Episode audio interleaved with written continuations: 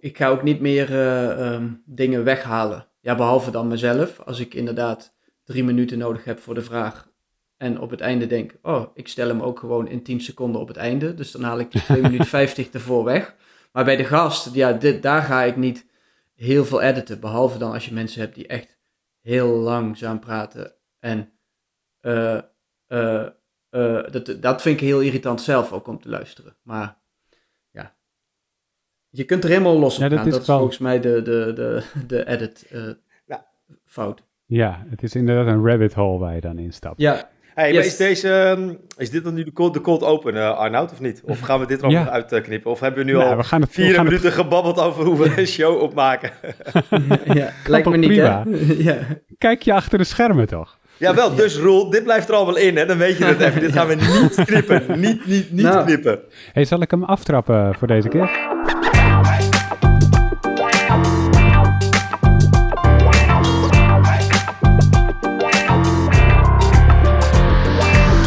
Hey, welkom bij een nieuwe aflevering van een podcast over voeding. Als je een nieuwe luisteraar bent in deze podcastserie, gaan we in op de actualiteit en eh, praten we ook over eigen I'm a Foodie projecten. En vandaag hebben we de gast Roel Hermans. Roel, hallo. Hey, goedemorgen. En Roel is onderzoeker aan de Universiteit Maastricht en werkt bij Leefstijl Lab. Is zelfs de oprichter daarvan, zeg ik dat goed, Roel? Ja, dat klopt helemaal. En eh, de expertise van Roel is gedragsverandering in relatie tot gezonde voeding. Dus in andere woorden, hoe kan je ja, met gedrag je leefstijl aanpassen naar gezondere eetgewoonten? En na het luisteren van deze show weet je hopelijk precies hoe het moet. Maar Bart, eerst even dit natuurlijk. Als we deze show willen blijven maken, is het goed als we weer meer nieuwe vrienden van de show krijgen, toch? Ja, nou eigenlijk wel. En eh, in elke show roepen eigenlijk altijd mensen op eh, dat ze een vriend van de show mogen worden. Maar ehm, eigenlijk de aanleiding erachter is ook dat, eh, zoals je misschien al ja, ook hoort, zeker ook deze show, maar ook alle andere shows, hebben we er geen advertenties in. Zoals dat met zo'n marketingterm heet, met pre-rolls of gesproken advertenties tussendoor. Dus ja, het zijn gewoon interviews die wij opnemen, eigenlijk altijd in één keer.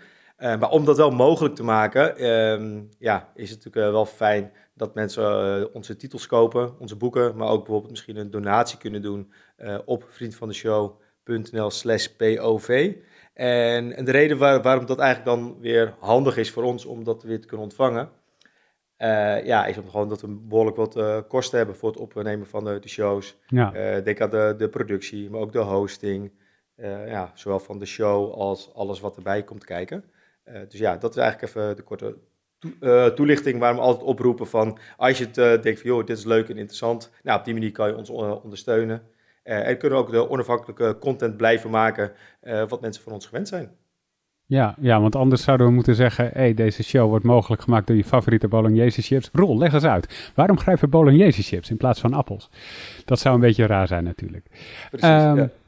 Maar Roel, laten we beginnen bij het begin. En dat is de vraag die we altijd stellen: wat is je grootste voedingsfrustratie van de afgelopen tijd?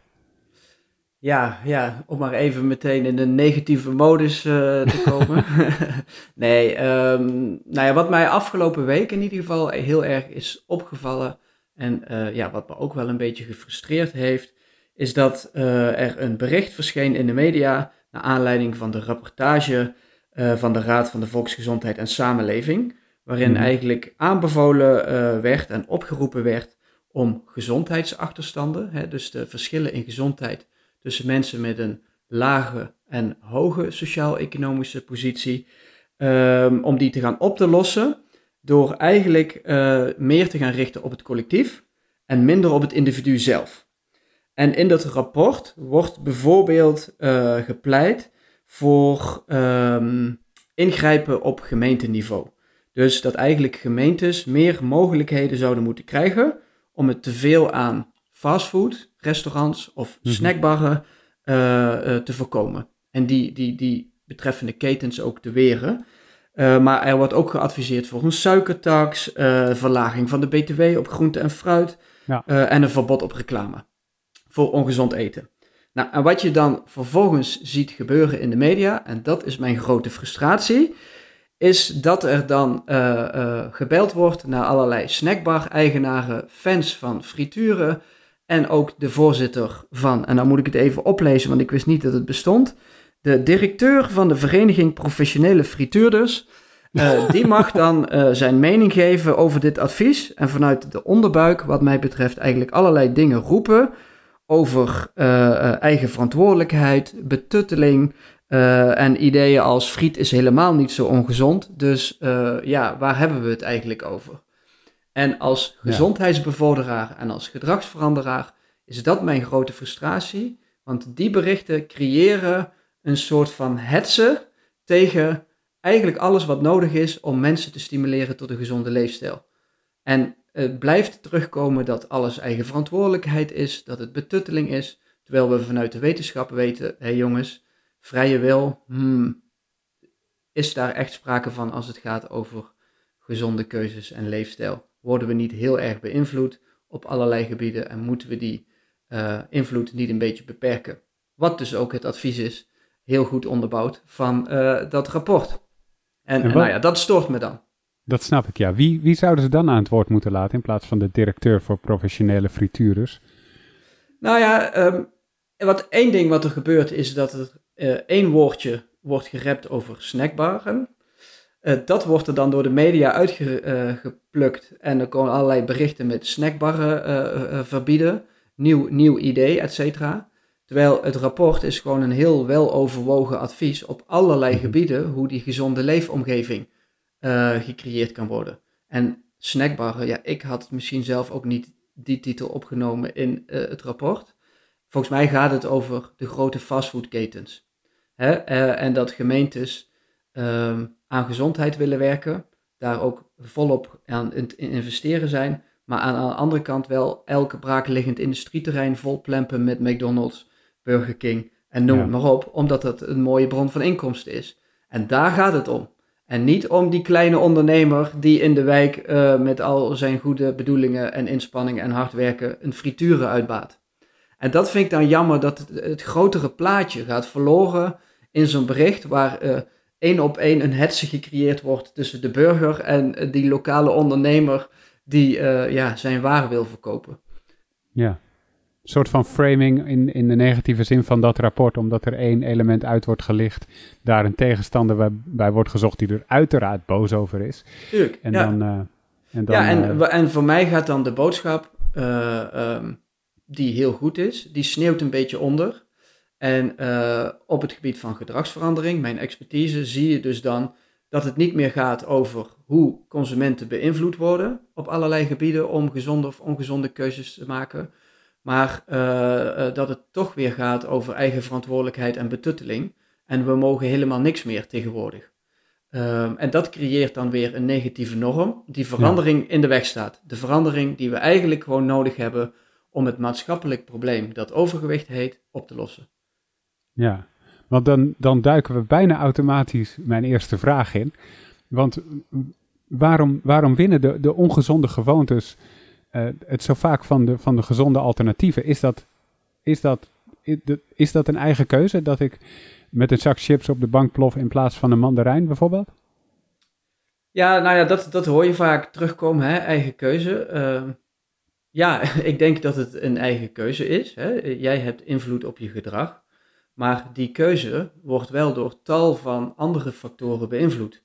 En een van die factoren is onder andere de enorme marketing uh, die ingezet wordt uh, om dat betreffende product, wat jij eet, te verkopen. Mm-hmm. En in heel veel gevallen is dat chips, snoep, koek, drank, uh, frisdrank. en zijn dat niet de appels, de peren en de sinaasappels.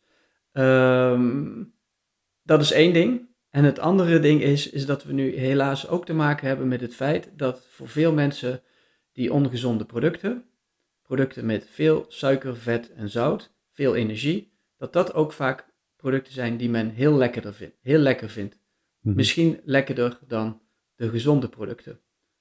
Waardoor. Maar is, maar, die... maar, oh, sorry, even sorry hoor, Ron, want ik was nog even aan het denken van. Hoe kan het zijn, hè? want ik snap van dat ik het eerst in huis moet halen. En dat ik dan dus de keuze heb, kies ik voor het paaseitje of kies ja. ik voor een uh, uh, yoghurt met fruit. Uh, mm-hmm. S'avonds als ik op de bank zit en ik kijk een serie op Netflix. Mm-hmm. Dus dan stap ik eerst, dat is stap 1, dat ik het überhaupt heb gekocht. Maar nog steeds, als ik na het eten denk van, die kinderen liggen in bed, ik ga even een serie kijken, ik wil het mezelf comfortabel maken, denk ik eigenlijk ook van nature, hm, ik heb toch wel liever trek in of die zak chips of het paaseitje, in plaats van de gezonde alternatief, ik ga op de bank zitten met een appel en een banaan. Ja, Waarom... dat is precies wat ik inderdaad wil te zeggen, is dat het, uh, één, is het vaak lekkerder en ook belonender. En het geeft je dus dat goede gevoel waar je misschien wel naar op zoek was. Uh, meer dan uh, van een stuk fruit in veel gevallen. En zo blijf je dus eigenlijk in die comfortzone en uh, wordt dat ongezonde gedrag ook steeds makkelijker en steeds meer ingesleten. En op een gegeven moment is het zien van je bank in combinatie met de tijd en de televisie al genoeg om ja, de zin op te wekken in dat lekkere eten met veel suiker, vet en zout. Maar zit dat, zit dat in het voedsel zelf? Is het, zit het in de samenstelling van zo'n, van zo'n paasei of zo'n zak chips of wat dan ook? Of uh, zit het in je hoofd en ligt het eigenlijk helemaal niet aan het voedsel zelf? Precies die combinatie. Ah, oké. Het, het, zit in het voedsel. En uh, de relatie die wij daar in ons hoofd mee hebben opgebouwd. Uh, de ervaringen die je daar in de loop der jaren mee hebt opgebouwd. En die dus ook je gedrag beïnvloeden en voorspellen eigenlijk. Ja, want dat is wel grappig, want dat is een beetje meer psychologie. Want ik ben nog steeds aan het denken, waarom vind ik het ik als persoon, ik ga ervan uit dat heel veel mensen dat hebben. Als ik een serie kijk of een film, dan associeer ik dat toch echt lekker. Oh, ik ga lekker zitten, ik pak een bak ijs, ik ga lekker eten. Of met een, uh, een borrel erbij, weet je wel. Mhm. dat, dan, dat associeer ik veel meer daarmee. Uh, dan dus bijvoorbeeld met mijn bakje yoghurt of ik ga fruit eten. Ik denk niet, oh, ik ga nu een serie kijken en ik ga een banaan eten. Maar is dat dus uh, uh, nurture, dat het, dat het me zo geleerd is als van vroeger uit, zo doe je dat. Want ja, inmiddels ben je gewoon wel denken mensen dat je weet van nee, ik kan voor het een, kiezen of ik kan voor het ander kiezen. Ik vind het gewoon fascinerend. Waar maak ik dan ergens die afslag in, uh, in mijn hoofd? Nou ja, ik denk dat het precies wat je zegt, een, een soort van som aan ervaringen is die je meedraagt in je eetrugzak. Uh, die ehm, tot stand is gekomen door het jarenlang te doen en te zien om je heen. Dus uh, het feit dat je vroeger met natte haartjes op de bank op vrijdagavond een glaasje frisdrank kreeg, wellicht, en een bakje chips. Ja, daar, daar begint het, zeg maar. Is dat je die gezelligheid van het tv kijken met, met het gezin of met anderen, of uiteindelijk alleen, gaat associëren met eten. En uh, dat eten is dus vaak dus uh, dat energierijke product. En um, ja, kijk maar even naar je eigen leven naar, naar mijn leven ook. Ja, inderdaad, eten is gezelligheid. Eten is samen met mensen. Eten is uh, comfort. Eten levert iets op wat ik fijn vind. Um, en ja, heel vaak is dat dus um, eten wat, wat gewoon wat meer suiker, vet en zout bevat. En hebben we dus minder die positieve associatie met, met fruit of groente. Oké, en uh, weten is dus nog geen doen. Maar wat heb je dan nodig uh, om je gewoontes dus langdurig te kunnen veranderen? Ja, ik zou eerst zeggen dat je überhaupt moet beginnen met inzicht te krijgen in welke gewoontes dat je hebt. Uh, dat is het mooie startpunt. Dus, en daar verschillen mensen natuurlijk heel erg in. Kijk, de een heeft inderdaad de gewoonte die wij net even hebben besproken. Van ik ga op de bank zitten met een serie en ik ga eten.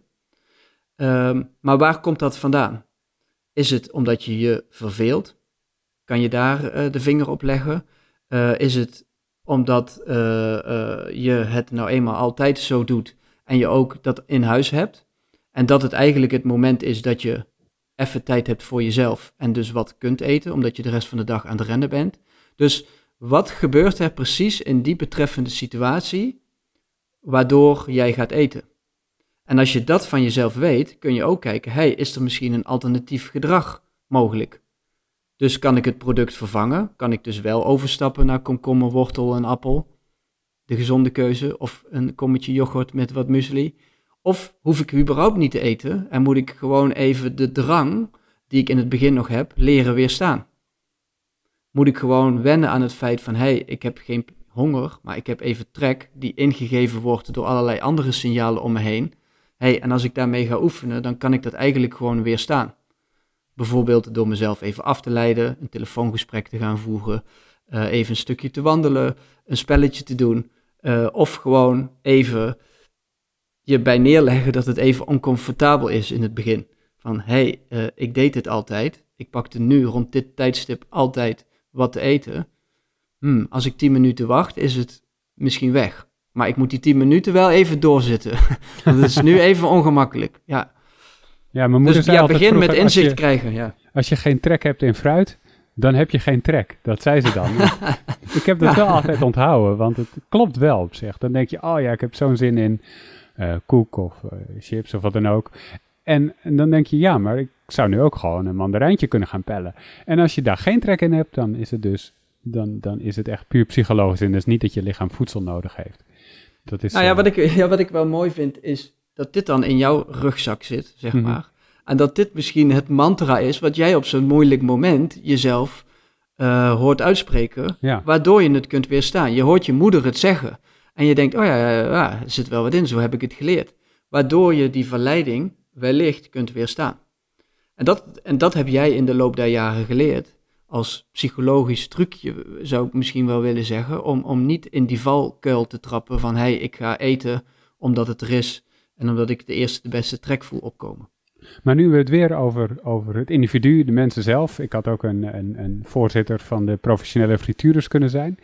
Ehm, maar wat is, wat is de invloed van, van, van iemand als individu versus de omgeving? Zeg maar, wat is, hoe, hoeveel invloed heb ik zelf? Ehm, nou, om, om antwoord te geven op je eerste vraag, is de invloed van onze omgeving op ons gedrag is enorm. Echt enorm. En ehm, ons gedrag wordt eh, voor een grote mate bepaald en getriggerd door prikkels uit de omgeving. Eh, dus je neemt de roltrap omdat je die roltrap ziet. Je eh, ehm, krijgt zin in eten omdat je eten ruikt. Eh, omdat je reclame eh, ziet. Eh, en dat zijn eigenlijk allemaal onbewuste triggers die uiteindelijk eh, mede bepalen of we het gedrag wel of niet vertonen. En dat is eh, behoorlijk dominant. Eh, en dat is precies wat je zei met het, in het begin. Dat, dat overroelt vaak het weten. Het, de kennis die we hebben over gezondheid. We zijn wat dat betreft best wel impulsief. En wat je eigenlijk ziet in, in mijn vakgebied is de metafoor dat je een koud systeem hebt en een warm systeem bijvoorbeeld. En het koude systeem is alles wat we weten over gezondheid. Mhm. Eh, het voornemen om op dieet te gaan, het voornemen om eh, op maandagochtend te beginnen met gezonder eten, dat is eigenlijk het koude systeem. Het warme systeem is maandagochtend om 10 uur eh, gebak bij de koffieautomaat, de collega die iets te trakteren heeft, Ehm, en waarbij je dan meteen denkt, oh, dat zou ik eigenlijk wel kunnen pakken. En voordat je het weet heb je dat stuk gebak in je mond of dat chocolaatje achter te kiezen. En, en, en dat is dus heel vaak dominant als het gaat over leefstijlgedrag.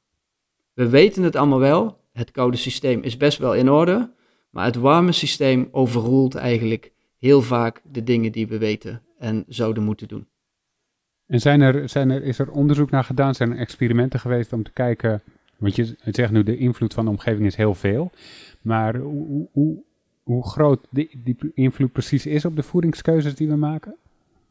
Eh, ja, dat onderzoek is er zeker. Ehm, nou ja, wat wel vaak eh, gebruikt wordt in dit soort onderzoek, geeft mij ook meteen eh, mooi de gelegenheid om dat bericht te nuanceren. Ik zie dat veel voorbij komen in de media, is dat we ongeveer 200 voedselkeuzes per dag maken. En dat heel veel van die keuzes onbewust gaan en ingegeven worden door de eh, omgeving. Nou, dat komt uit onderzoek van eh, Brian Wansink. En Brian Wansink is een eh, voedingsprofessor die inmiddels gestopt is vanwege alle commotie die omtrent zijn onderzoek is ontstaan, omdat het eigenlijk bij elkaar verzonnen is. Of in ieder geval tot stand is gekomen door allerlei invloeden van buitenaf. Noem het maar manipulatie om de data zo te krijgen dat de boodschap eh, ook zo vormgegeven kan worden. Ah, Ehm, dat doet verder niks af aan het feit dat die omgeving zo belangrijk is. Maar ja, dat bericht komt, er komt wel heel eh, terug en dat spreekt ook heel erg aan. mhm. Ehm, maar er zijn tal van eh, experimenten in de gedragseconomie, de gezondheidseconomie, eh, de gezondheidsbevordering, die, die laten zien, hey, het is allemaal automatisch gedrag.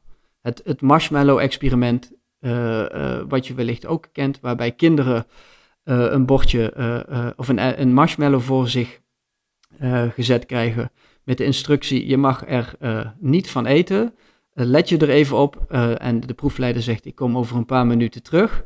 Nou, wat er dan met die kinderen gebeurt, dat is fascinerend om te zien, is dus dat ze de, de uh, marshmallow pakken. Sommigen ruiken eraan, sommigen likken, sommige likken eraan. Um, uh, ja, sommigen nemen toch meteen een hap en kunnen die, die, die verleiding gewoon eigenlijk niet weerstaan. En andere kinderen kijken de andere kant op en negeren het ding. En daar zie je dus individuele verschillen tussen mensen in hoeverre ze bestand zijn tegen die prikkels. Sommige mensen hebben net wat meer zelfregulatie om hun gedrag te controleren dan anderen. En dat is dus wat je eigenlijk nu ziet in onze huidige omgeving, is dat de mensen die wat meer moeite hebben met het reguleren van hun gedrag, hmm. dat die dus ook moeite hebben om niet te eten in een omgeving die constant triggert om te eten. En welke, welke uh, verandering in de omgeving zou, denk je, de meeste invloed hebben? Als, er, als, als, er één, als er één ding is waarvan je zegt van dat, dat moeten we echt nu gaan doen, welke, welke zou dat zijn? Ja, wat je, wat je vaak ziet, en ik, daar komt het ook weer terug op individu versus collectief, dat er heel vaak wordt gekozen, oké, als we dit weten, dan gaan we mensen weerbaarder maken tegen die omgeving. Dan gaan we hen een informatiefolder laten lezen, dan gaan we hen een cursus geven of dan laten we hen een filmpje zien hoe je uh, uh, weerbaar kunt worden, wat je kunt doen om je gedrag te reguleren. Supergoed, um, alleen het is niet voldoende als die omgeving zo blijft. En dan, wat moeten we dus eigenlijk doen? Die omgeving veranderen. Dus ervoor zorgen dat niet vier van de vijf aanbiedingen in folders van een supermarkt buiten de schijf van vijf vallen. Mhm. Dat uh, een sportevenement niet vol hangt met reclame voor allerlei grote fastfoodketens en uh, merken die uh, ongezonde voeding verkopen. Dus die omgeving moet wat gezonder. Een voetbalkantine die geen gezond eten heeft, een een hockeykantine, een tenniskantine, een bedrijfsrestaurant wat geen gezond eten verkoopt of heel duur. Ja, dat zorgt er dus allemaal voor dat we meer geneigd zijn om de ongezonde keuze te maken. Maar ik vroeg om één ding, Rol. Ja, nou ja, dus één ding, ingrijpen in de omgeving. De gezonde keuze makkelijker maken. Oké. Ja. Dus als ik uh, naar mijn voetbalclub ga uh, en ik ga lekker sporten en ik wil dat afsluiten met fruit, dan is dat nog maar de vraag of dat mogelijk is. Nou, en dan kan je zeggen, ja, maar dan kun je het zelf meenemen. Ja, dat klopt. Uh, dat doe ik dus ook, omdat ik inmiddels weet dat het er niet is en ik het toch wel lekker vind.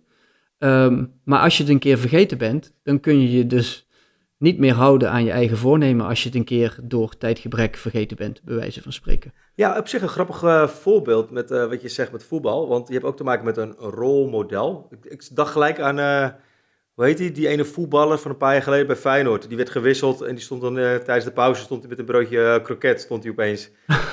ik weet niet of je dat, dat beeld ook nog hebt. Dat ik denk van ja, dat is natuurlijk ook voor heel veel mensen. Dat ik, ah zie je wel, voetbal wordt toch, uh, toch geassocieerd met een derde helft van eerst even lekker gezellig sporten en daarna ga je aan de borrel en frituur. Ja, nou ja, wat natuurlijk ook niet echt bijdraagt is dat de supersterren van dit moment, Messi en Ronaldo uh, ook reclame maken voor leeschips bijvoorbeeld. Ja. Of andere producten waar we het net over hadden met veel suiker, zout en vet. En die passen in principe natuurlijk bij een gezond voedingspatroon. Ik zou nooit willen zeggen dat niemand ooit chips, koek of snoep zou mogen eten. Alleen wil je de associatie tussen gezond uh, sport en voeding, wil je die op die manier inrichten. Ja, ik denk van niet, want het draagt bij aan, aan, aan het toch al positieve beeld wat mensen hebben uit zichzelf van ongezond eten. Ja, voor kinderen wordt dat alleen maar sterker als een Ronaldo of een Messi of een andere uh, superheld daar mee op de foto gaat. Ja. En dat is dus ook weer zo'n voorbeeld van die verleidelijke omgeving. Ja, grappig dat je over kinderen begint, want daar wilde ik ook heen. Uh, want je zegt namelijk op de site van Leefstijl Lab dat, um, dat je vroeg moet beginnen met gezonde eetgewoontes. Um, betekent het omgekeerd ook dat als je geen kind meer bent, dat je eigenlijk al te laat bent met het, uh, met het veranderen van je eetgewoontes? Nee, je bent nooit te laat. Uh, maar het meest effectieve is inderdaad die rugzak al van vroeg, vroeg af aan vullen met allerlei positieve ervaringen. Met veel kennis, met veel kunde, uh, met veel positieve associaties met gezond eten.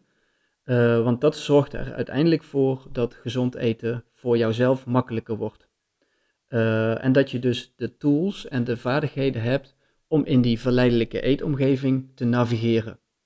Kijk, als die omgeving nu niet heel snel verandert, dan moeten we het dus maar zelf doen. Mm En daar kun je als ouder je kind dus wel in, in, uh, in onderwijzen en in bijstaan. Dus dat is heel belangrijk, want een, ja, een gezonde gewoonte aanleren is makkelijker dan een ongezonde gewoonte afleren. En is dat ook een soort van glijdende schaal? Is het nog makkelijker als je 20 bent dan als je 40 bent? En dan is het weer makkelijker dan als je 60 bent? Of werkt het alleen als kind en daarna is het altijd even moeilijk? Nee, ik denk dat, er wel, eh, dat je daar wel een punt hebt dat er een glijdende schaal in zit. Is, is als je het al, al, al 50 jaar gewend bent uh, op een bepaalde manier te doen, dan kost het in het begin wel even heel veel moeite om daar dan vanaf te blijven. Dus als je bij wijze van spreken 50 jaar gewend bent om elke dag een glas wijn te drinken mm na je werk, om even te ontspannen, ja, opeens daarmee stoppen gaat wel in het begin uh, gepaard met heel veel gevoelens van ongemak. Ja. En die gevoelens zorgen er dan weer voor dat je denkt, ja, ik kan het nu gewoon heel makkelijk wegnemen door gewoon het glas wijn te pakken. Dan is het gevoel weg. Ja. Dus dat is een beetje die glijdende schaal, ja. Maar, maar vat ik het een beetje dan goed samen, Rol? Dat uh, enerzijds gaat het gewoon om kennis wat gezond is. Hoewel ik eigenlijk ook wel denk of aanneem dat mensen weten wel dat ze beter voor die appel kunnen kiezen. Omdat daar veel, dat veel beter bijdraagt aan een gezonde leefstijl dan die zak chips. Dat snappen mensen mhm. echt wel. Mm uh, dus dat is meer, maar bij sommige dingen kan ik me voorstellen dat mensen nog wel twijfel hebben van nou, uh, ik, ik, kies voor product X, want ik denk dat het gezond is omdat de marketing zo is, of dat ze echt heilig geloven uh, ja, dat het ene product... Of geleerd hebben, ja. Ja, of geleerd hebben, of dat ze gewoon kiezen voor bruin brood, want hé, hey, dat ziet er bruin uit. Oh ja, bruin, dat, dat, lijkt te gezond, want die associatie heb ik, versus wit brood, want wit brood, ja, heb ik toch het idee dat het niet gezond is. Dat is dus het, het stukje kennis.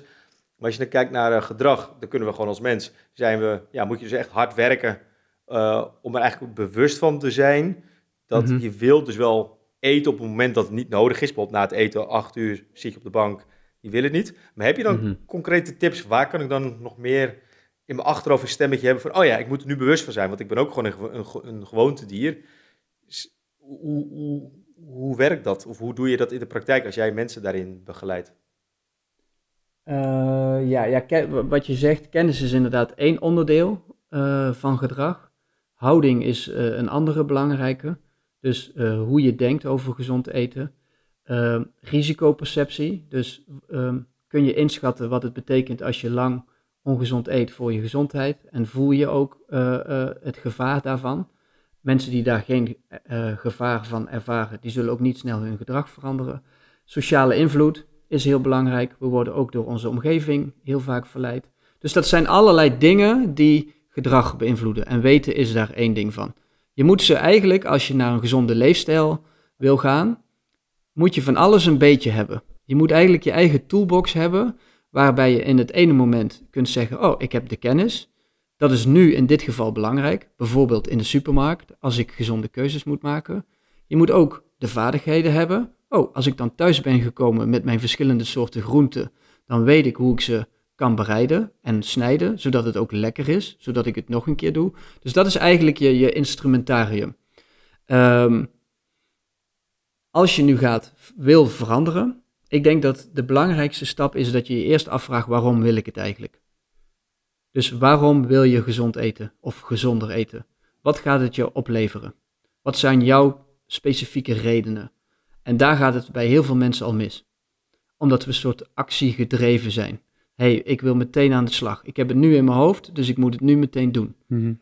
en, en, en, nou ja, en daar spelen allerlei vloggers, bloggers, influencers, mensen die dieetboeken verkopen ook uh, ja, lekker op in. Door de oplossing aan te bieden. Door meteen te zeggen, ik weet wat jij moet doen. Als jij mijn plan gewoon volgt, hoef jij niet meer na te denken en dan komt het goed. Ja, en, en, en in die modus dagen, vier weken. En, ja, inderdaad. En in die modus zitten we al heel snel en rennen we dus naar de winkel om dat zoveelste boek te kopen. Ja. En ja, ik zou eigenlijk hopen en, en nou ja, dat wordt dus ook wel ondersteund hè, door alle wetenschappelijke literatuur op het gebied van gedragsverandering. dat mensen eerst op zoek gaan naar hun eigen noodzaak. Waarom wil jij dit? En als je dat goed voor ogen hebt, uh, dan heb je een goede start om te beginnen. Waarom? Omdat die dwingende noodzaak er ook voor gaat zorgen dat jij het volhoudt op de momenten die moeilijk zijn. En die gaan komen als je gezonder gaat eten. Ja, en uh, zie je dan uh, in jouw dagelijkse praktijk met mensen die jij daarin begeleidt, uh, ja, een bepaald verband met COVID en de lockdown, dat juist meer mensen nu daar bewust van zijn dat ze ermee bezig gaan? Of juist het tegenovergestelde? Beide. Beide. Er zijn mensen die dit inderdaad, en dat, dat is mooi hè, ik, ik zie Arnoud even lachen, dat zien jullie niet. Maar de, dit is ook echt gedrag. Ja. Uh, er is eigenlijk nooit één, één antwoord te geven. Uh, een gedeelte van de mensen die zegt, ja, ik grijp dit aan om aan de slag te gaan. Ik weet nu hè, uh, hoe belangrijk het is. Hun risicoperceptie, waar ik het net over had, is gestegen. hey, als ik dit niet doe, dan gaat het misschien slecht met me aflopen. Uh, en dat is een goede trigger om in beweging te komen. En een ander gedeelte zegt, ja, weet je, ik mag al niks meer. Ik vind het al zo saai. Ik zit de hele dag door binnen. Ah, ik, ik ben de motivatie gewoon even kwijt om naar, voor mezelf te gaan sporten of gezond te eten. Ik vind het eigenlijk wel lekker om gewoon de luiken dicht te doen en onder een dekentje op de bank te ploffen en niks meer te moeten na een hele dag zoomen. Ja, en, en, en, en dat zie je denk ik in, in de hele samenleving gebeuren. Sommige mensen blijven dat park inrennen uh, en gaan gezond eten en gaan nu de tijd nemen om lekker te koken. En de anderen vallen een beetje passief stil. Ja, en als ik hem dan even een beetje uh, samenvat, komt het er misschien wel een beetje op neer dat mensen naar aanleiding van deze podcast juist als oefening kunnen doen van wat is je relatie tot voeding eigenlijk? Dat mensen mm -hmm. daar gewoon over nadenken en dat ze dan, uh, ja, het gaat eigenlijk al heel groot gedeelte om bewustwording, dat je erover nadenkt, want heel vaak zitten mensen in een patroon, dat zit ik zelf ook met heel veel dingen, omdat ja. het je zo geleerd is of omdat het ja, zomaar gewoon gaat, terwijl als je er bewust over nadenkt, van, oh ja, waarom doe ik de dingen of maak ik de keuzes die ik doe?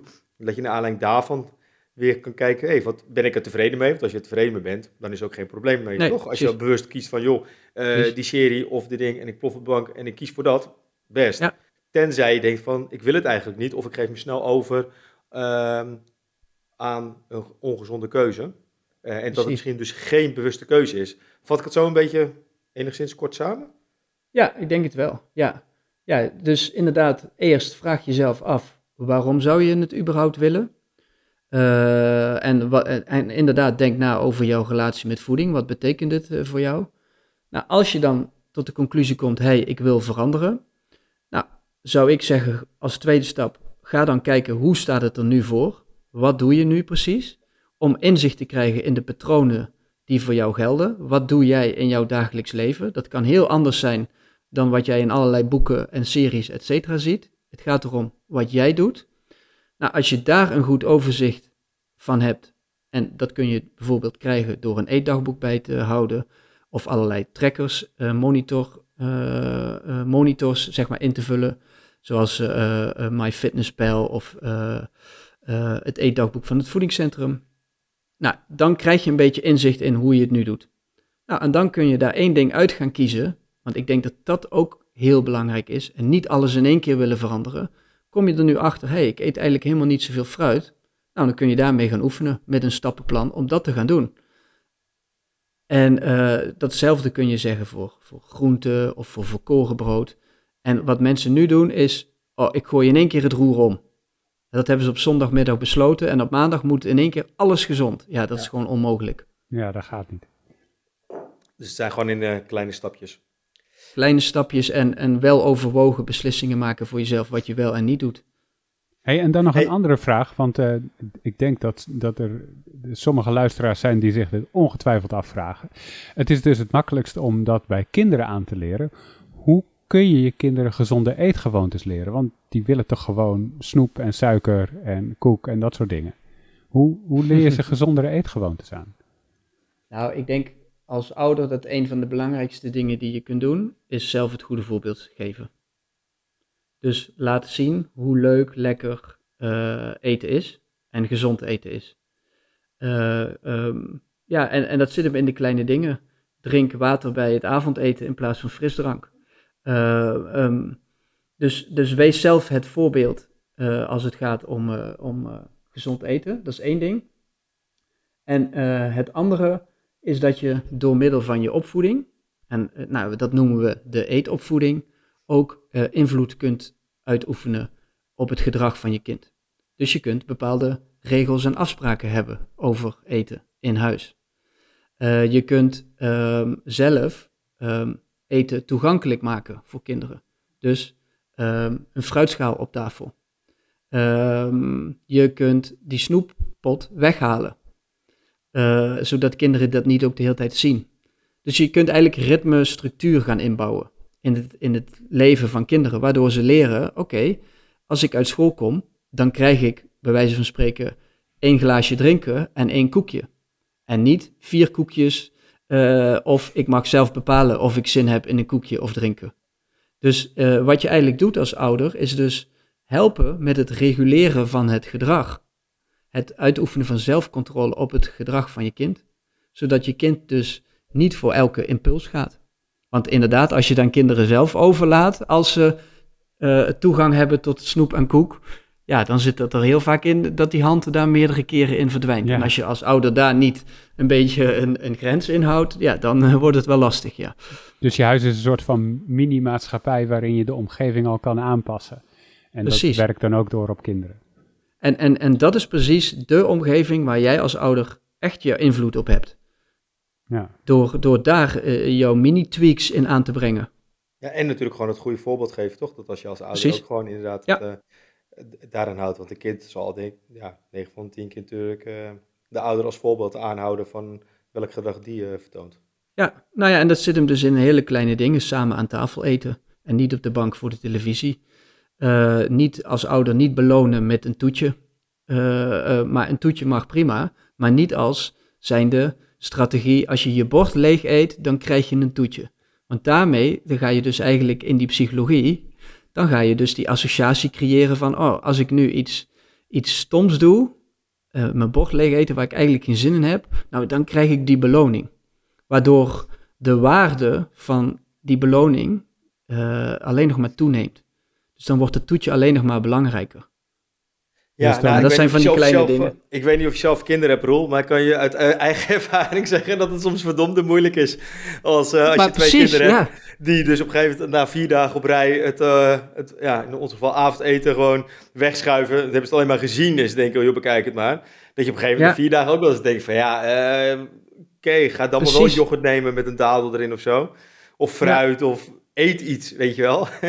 Nee, maar Alle- nee, daar heb je een heel goed punt. Het is, ook, het is ook gewoon niet makkelijk. En ook hier zie je dus, we hebben het net gehad over gewoontes. Sommige gewoontes sluipen er ook gewoon in. Ja. Ben Ja. je als ouder dus ook helemaal niet bewust van. Eh, en ook hier zit soms een, een kennislagune dat je ook helemaal niet weet dat dat volgens de wetenschap misschien niet de meest handige strategie is. Ja. Eh, maar in the heat of the moment, om er vanaf te zijn, eh, eh, zet je het wel in. Ja. En een keertje is niet erg, maar eh, ja, soms ontstaan er dus van die hardnekkige gewoontes die niet, niet, niet ideaal zijn. Dus nou ja, daar is natuurlijk ook weer een hele wetenschapstak op, een onderzoeksdomein over hoe kunnen we ouders nu helpen met het aanleren van gezonde eetgewoonten. Nou ja, dat zit hem daarin en, en ook daar is het gewoon heel belangrijk dat ouders gaan oefenen, nou ja, feedback krijgen op hun gedrag. Eh, en merken van, hé, hey, als ik dit doe, dan werkt het eigenlijk veel beter dan als ik dat doe. Ja, dat, het, het is ook gewoon, aldoende leert men, denk ik. Ja. En ik Maar- zou nooit willen zeggen dat het makkelijk is en eh, dat mijn kennis wijsheid is en dat het eh, een kwestie is van, nou, volg mijn tips op en dan lukt het allemaal. No Ja. way. Ik wou nog even een klein beetje even een, zij, een zijstap nemen. Even ook, omdat we ook een beetje richting het einde van het, het interview gaan. Je gaf net zelf al, aan hè, dat de omgevingsfactoren is een belangrijk factor dus om, eh, Mhm. voor de ongezonde keuzes. Mhm. Ehm, ik zag ook dat jij eh, werkzaam bent bij Jumbo of eh, de supermarkt bedoel ik dan voor een paar dagen in de week. Hoe ruim, je, hoe ruim jij dat dan zelf? Want jij bent ook jarenlang werkzaam geweest bij het voedingscentrum. Nou, Mhm. dat centrum, dat, dat spreekt voor zich. Ja. Je bent nog onderzoeker. Ja. Ja. ja, het klinkt een beetje als je een beetje echt bij de overstap gemaakt naar, eh, de, naar eh, de evil one. Waarbij je juist zegt, jongens, bied juist niet de ongezonde dingen aan. Terwijl je zit nu echt middenin daarin. Hoe, uh, hoe moet ik dat rijmen? Ja, ja ik, ik begrijp in eerste instantie wel die, die, die, die associatie die je, da, die je daar hebt. Maar um, no worries, dat, daar ligt voor mijzelf echt een heel weloverwogen beslissing aan uh, ten grondslag om juist die stap te maken. En uh, nou, een van de aanleidingen uh, was voor mij een onderzoek van Question Mark. Die hebben een superlijst opgesteld waarin ze supermarkten met elkaar vergelijken.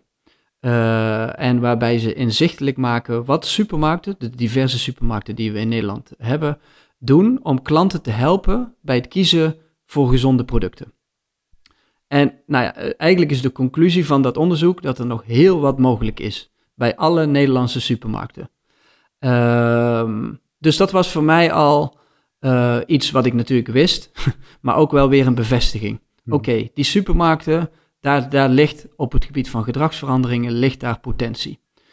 Nou, een van de dingen die we ook weten is dat 70% van uh, de voeding die mensen in huis hebben uit de supermarkt komt. Dus als je in die supermarktomgeving verandering kunt aan gaan brengen, dan heb je in potentie dus ook heel veel impact op dat gedrag van mensen. Um, en dat was eigenlijk iets waar ik echt naar op zoek ben, al in mijn hele carrière. Met de kennis en kunde die ik heb, wil ik impact hebben op gedrag. Nou, als wetenschapper heb ik impact op uh, uh, kennis uh, en, en, draag ik bij aan wat we weten over hoe gedrag beïnvloed wordt. Nou, bij het voedingscentrum heb ik jaren um, gewerkt aan het verbeteren van campagnes die mensen moeten stimuleren om gezonde keuzes te maken.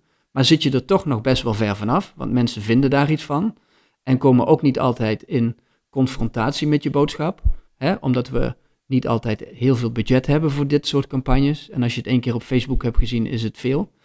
Uh, maar in die supermarkt, ja, daar, als, als je het daar kunt doen, dan ga je dus bij wijze van spreken twee, drie keer in de week dat mensen boodschappen doen, impact hebben. Mm -hmm. En toen dacht ik, dat is een mooie uitdaging.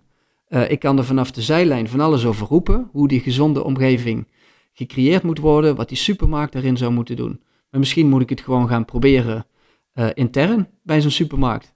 Misschien mag ik mijn kennis en kunde daar wel eens gaan inzetten en al die kennis uh, proberen te vertalen naar hoe een supermarkt dat zou moeten doen. En toen belde Jumbo. En Jumbo is een midden middenmotor in die lijst. Dus, en Jumbo heeft de ambitie om daar op die lijst te gaan stijgen, of in ieder geval de dingen te gaan doen die ook echt bijdragen aan het maken van gezonde keuzes van hun klanten. Nou ja, laat ik die, die, die, uh, die uitnodiging uh, oppakken en ermee aan de slag gaan. En lukt het? Nou, ik ben 1 februari begonnen ah. en uh, Rome is niet in één dag gebouwd. Dus ook die supermarkt, en in dit, in dit geval Jumbo, is echt niet van vandaag op morgen gezond. Maar de gesprekken die ik nu uh, voer en gevoerd heb, die zijn eigenlijk helemaal niet zoveel anders dan die ik jaren bij het voedingscentrum heb gevoerd of uh, met mijn academische collega's. Dus het is echt niet zo dat ik nu een heel andere rol ben geworden uh, met heel andere kennis en kunde, of dat die gesprekken heel anders gaan. Nee, ik ben nog steeds bezig met het vertalen van al die wetenschappelijke inzichten naar praktische toepassingen, alleen dan in het jasje van de supermarkt. En mijn collega's zaten al op die rails en willen daar met mij uh, uh, mee verder gaan. En, en mijn input wordt daar uh, gehoord en dat is heel fijn. En wanneer is het voor jou dan een succes dat jij daarin een, ja, een verschuiving hebt kunnen bewerkstelligen bij Jumbo? Voor mij persoonlijk is het een succes als ik binnen een bepaalde tijd, um, als ik dan een Jumbo binnenloop ergens in Nederland, dan iets terugzie op het gebied van, hey, dit maakt het voor mij makkelijker om een gezonde keuze te maken. Of, eh, en ik ben specifiek aangenomen ook om uh, advies te geven op de ontwikkeling van de Foodcoach app, uh, dat die Foodcoach app positieve reviews krijgt, besproken wordt op sociale media of in de media als zijnde, hey, dit helpt mij bij het maken van gezonde keuzes. Dus dat ik daar samen met het team aan bijgedragen heb om dat mogelijk te maken. Ik wil het zichtbaar hebben. Ja, nou, misschien, misschien dat we je over een half jaar gewoon nog een keer vragen van joh, uh, ben je er nog steeds zo blij mee? Of welke, uh, ja, welke positieve ontwikkeling is er misschien wel uh, iets, is iets veranderd? Eerlijk gezegd heb ik wel een beetje een mixed feeling bij. Enerzijds denk ik van, nou, misschien staan ze er echt voor open dat ze mm -hmm. echt een gezonder aanbod willen hebben. Persoonlijk mm -hmm. heb ik ook wel de ervaring, en misschien klink ik dan wel zuur of verbitterd. Maar ja, wij hebben met Aimofori ook uh, in 2017 een eigen granola ontwikkeld. En het mm. receptuur, dat, dat kwam uit ons eerste boek, Eet als een expert. En ik kreeg heel veel positieve reacties op van, joh, heel lekker granola. Soms heb ik niet de mogelijkheid om het zelf te maken. Kan je hem niet gewoon industrieel maken voor op vakantie of als ik even geen tijd heb om zelf een granola te maken, dat ik hem eh, in huis heb. Nou, op dat moment zijn we dat, dat gaan uitzoeken. Hoe werkt dat eigenlijk? Dat was voor onszelf ook een, ja, een hele interessante mhm. learning van hey, hoe werkt dat industrieel uh, ontwikkelen van je receptuur vanuit een keukenbaksel tot dat het gewoon echt in duizenden kilo's wordt geproduceerd met je THT, et cetera. Uh, zowel vanuit de productiekant veel geleerd van dat de producent wil me mm volgooien met ja, suiker, palmvet en weet ik wat voor bent. Dat wij zeggen, nee, dat is allemaal niet gezond. We willen het gewoon, de basis moet gezond zijn. Dus ook geen gedroogd fruit, omdat wij dan vanuit visie vinden, mensen mogen zelf bepalen wat voor fruit ze erin willen doen. Uh, Maar mhm, dit was mhm. wel uh, heel veel zaden en noten erin, hele hoge vezelgehalte. Nou, lange verhaal kort. Ik heb met uh, alle inkopers wel gezeten, van de Albert Heijn, Jumbo tot de Deen. Nou, noem ze allemaal maar op.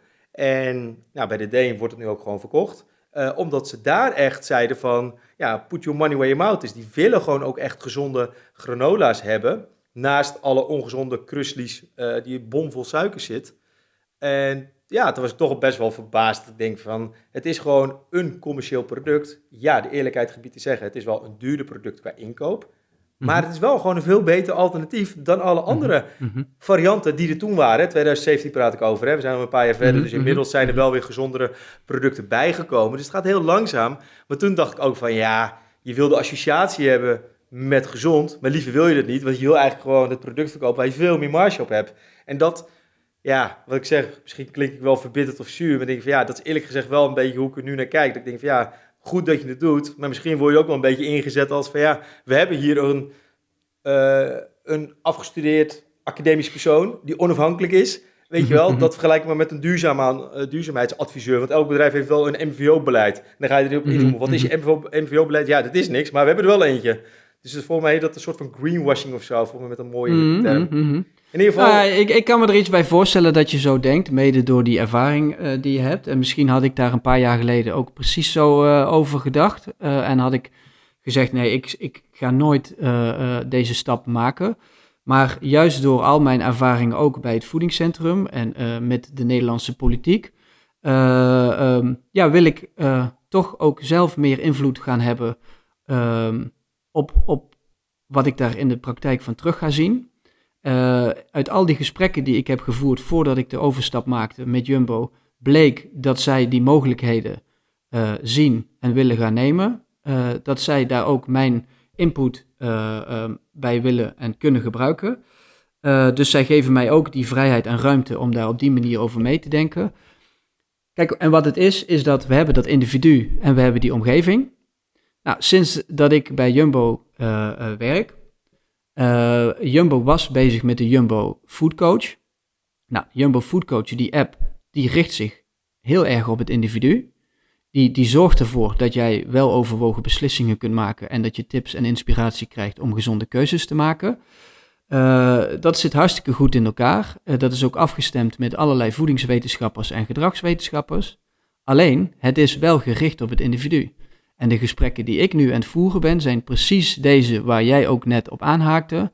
hey, als wij mensen echt willen stimuleren tot gezond gedrag, dan moeten we ook iets aan die omgeving gaan doen. En wat is die omgeving voor Jumbo? Dat is de fysieke winkel. Ja. Dus wat gaan we daar doen om inderdaad naast die app ook daar gezonde keuzes te stimuleren? En wat kunnen we daar doen? En tuurlijk is dat een spanningsveld. En uh, dat is natuurlijk nieuw voor mij. Want als wetenschapper zeg ik gewoon: oké, dit is uh, wat de wetenschappelijke papers laten zien. Laten we het er niet meer over hebben. Ja, we gaan het doen.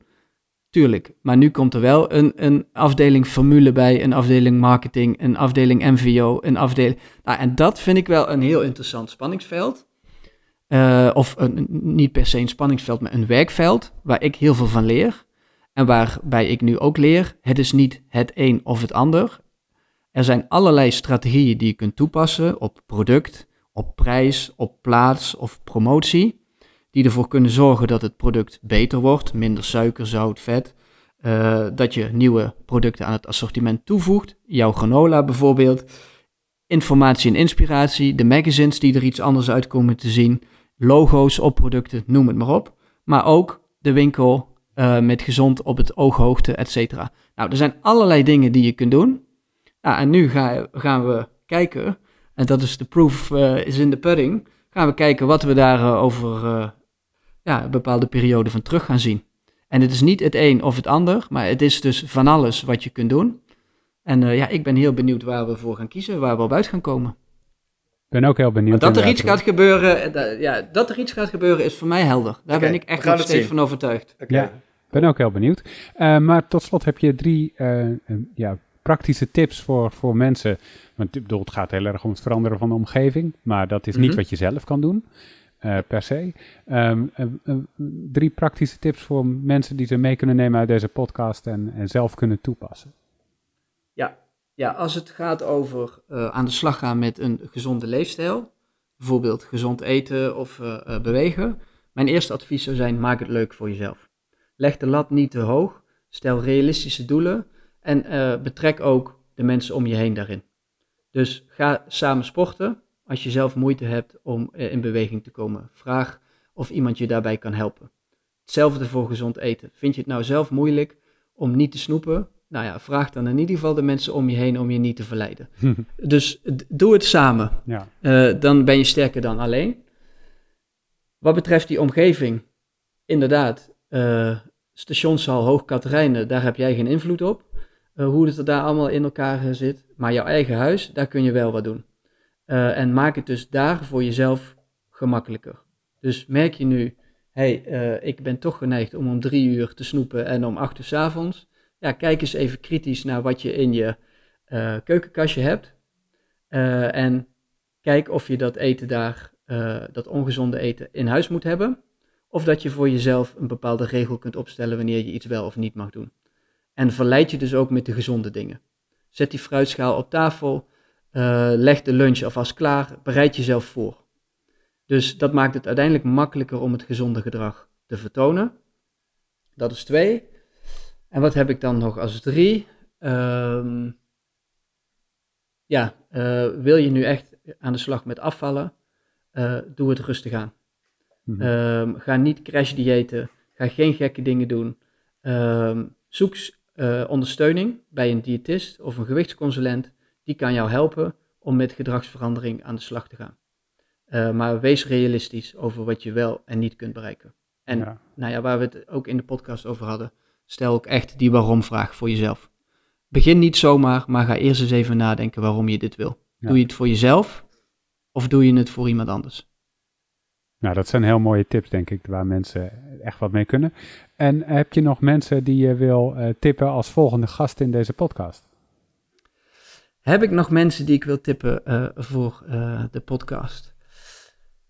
Um, ja, en het is invloedrijk wat je zegt, hè? Want Bas ja, schrijft ze op en hij, belt, en hij belt ze ook. Ja, ja. Nou, ik zou um, Ingrid Steenhuis uitnodigen, professor Ingrid Steenhuis, hoogleraar aan de VU. Mm -hmm. Um, of uh, professor Anne Roefs, mag die even, nog een, meer... Ja, wacht even. Uh, Ingrid Steenhuis, oh, uh, wat is haar aandachtsgebied dan? Of wat, wat is pre preventie van overgewicht. Hmm. Hmm. en zij is ook veel bezig met... zij is ook um, de eigenaar van de Leefstijlcoach Academy. en zij werkt echt volgens evidence-based gedragsverandering. Probeert mensen daar ook in mee te nemen om hun ge ja, hun gedrag te veranderen. Cool. Dus heel mooi, praktisch en ook super wetenschappelijk. Mm -hmm. Nou ja, en ik hoor zelf altijd heel graag uh, ook professor Anne Roefs uh, spreken, die um, hoogleraar uh, psychologie is, abnormal eating, en dus alles kan vertellen over hoe komt het nou en wat gebeurt er nou in onze hersenen als we eten of ongezond eten en waar moeten we rekening mee houden als we verandering willen aanbrengen. Dus het is nog psychologischer. Ja, yes. het gaat wat meer uh, de diepte in. Cool. Ja. Oké, okay, dankjewel. Thanks. En uh, nou, helemaal tot slot, als mensen meer willen uh, weten over je werk, hoe kunnen ze je vinden online? Nou, online uh, ben ik te, te vinden met Leefstijllab op Instagram. Um, En daar probeer ik met alle kennis en kunde die ik heb mensen te inspireren tot een gezonde leefstijl samen met mijn partner. Zij doet het bewegingsonderdeel, ik doe het voedingsonderdeel. Dus daar uh, kun je ons volgen en daar kun je ook onze eigen podcast vinden. De Leefstijllab podcast, deze praatjes vullen gaatjes, waarin ik in gesprek ga met wetenschappers over gedragsverandering. En ik ja, uh, een klein beetje tegenwicht wil bieden aan alle onzin die uh, verspreid wordt over leefstijl. Mag ik een, uh, een gast uh, tippen, of niet? Tuurlijk, La, kom maar op. dus, dus dat is een beetje wij van mijn wc eten. Hey, misschien dat mijn collega Marijke Berkenpas wel nog een interessante gast zou kunnen zijn in jullie show. Als dat, ja. Die staat al op de schaduwlijst. Op de schaduwlijst, wow. maar nog niet in de top 3 dus. nee, dat komt ook omdat ik nog geen echte lijst heb nu voor de komende... ik heb nog twee gasten staan en er staat nog een heel lijstje met... Uh, met, ja, met, met mensen die ik graag zou willen. Maar wat jullie ook zeiden, daar loop ik ook tegenaan. Podcast is superleuk. Uh, doe ik heel graag. Vind ik ook heel belangrijk uh, om te doen, omdat het een medium is om kennis te verspreiden. Maar ja, het kost mij wel ook heel veel tijd. Vrije tijd, die afgaat van dingen die, die, ja, die ik ook kan doen op privé- of werkgebied. het levert nu nog niks op, financieel. Dat is niet erg. Maar met een, ja, door vrienden van de show te worden, maar wordt het wel wat makkelijker om meer gasten uit te nodigen, de kwaliteit wat te verbeteren. Dus ook daar loop ik tegenaan en is gewoon heel belangrijk om kwalitatief goede shows te kunnen blijven maken, dat je wat donaties uh, ja. kunt ontvangen. Ja, en dat je dus ook uh, onafhankelijk kan uh, blijven. Want ik wou nog even Precies zeggen, dat. dat hele verhaal van jouw uh, bijbaan, noem ik het maar even, dat dat ja. is allemaal gewoon non-spon, weet je wel. Dat is gewoon, ja. dat mensen dat wel weten. Niet dat ze denken, ja, hé, hey, is opeens een heel slinks linkje met of zo, weet je wel. Dat is gewoon oprecht Nou, dan, dan had ik me wel vanaf het begin uh, voorgesteld als Roel van de Jumbo. Uh, en dan hadden we het hele gesprek over Jumbo gehad. Precies. Uh, nu is het wel genoeg hoor, Roel, nu weten we het wel. Ja. maar er zijn ook nog andere supermarkten, moet ik die ook nog noemen? Nee, nee, nee, nee dat, nee, dat geloof ik graag. Dat, over, over, reclame gesproken, Bart, heb jij nog iets wat je onder de aandacht wil brengen? ja, nee, ik heb heel veel onder de aandacht brengen. Nou, ik wou eerst nog even zeggen dat... Um, even een oproep, mochten mensen wel een keer live aanwezig willen zijn uh, bij een opname van, uh, van de show. Want nu doet het allemaal remote, hè, dus allemaal iedereen vanuit zijn eigen huis en kantoor. Dat uh, nou, straks post-COVID, ergens hopelijk juli, augustus, dan kunnen we gewoon een keer ergens in ehm, ja, locatie X, eh, datum Y afspreken. Dus mocht je daarbij willen zijn, ehm, laat je mail even achter in de show notes. Dan houden we je op de hoogte. Ja, en ja, als deze show live komt, dan is in ieder geval ons nieuwste boek Intuïtief Eten is live. Dus uh, ja, daar wil ik eigenlijk wel even wat uh, aandacht voor uh, hebben. We hebben ook namelijk een heel centrum opgericht, dat heet het Centrum voor Intuïtief Eten. En ja, dat, dat, pakken we uit met diverse titels die uitkomen dit jaar en volgend jaar. Maar ook groepscoaching bieden we aan en één op één coaching met gecertificeerde intuïtief eten diëtisten. Dus nou, dat, daar willen we gewoon echt het centrum zijn voor alle mensen die dus ja, ook bezig zijn met ehm, ja, weer een gezonde etenrelatie te hebben met met voeding eigenlijk. Uh, en afvallen hoort eigenlijk heel vaak erbij. Terwijl dit gaat juist niet over afvallen. Het gaat juist over een gezonde relatie hebben met voeding. En ja, uh, daar is in ieder geval heel veel, uh, die methodiek, nou, nou, is in ieder geval heel veel over te vertellen. Dus daar zal je ongetwijfeld nog meer over horen. Dus nou, check in ieder geval de show notes voor de verschillende linkjes naar de boeken, et cetera. Punt. Punt. Hey, dank jullie wel voor, voor jullie aanwezigheid in de podcast. En uh, jullie bedankt voor het luisteren als je hebt geluisterd. Tot volgende keer. Dankjewel. Later. Hey hoi.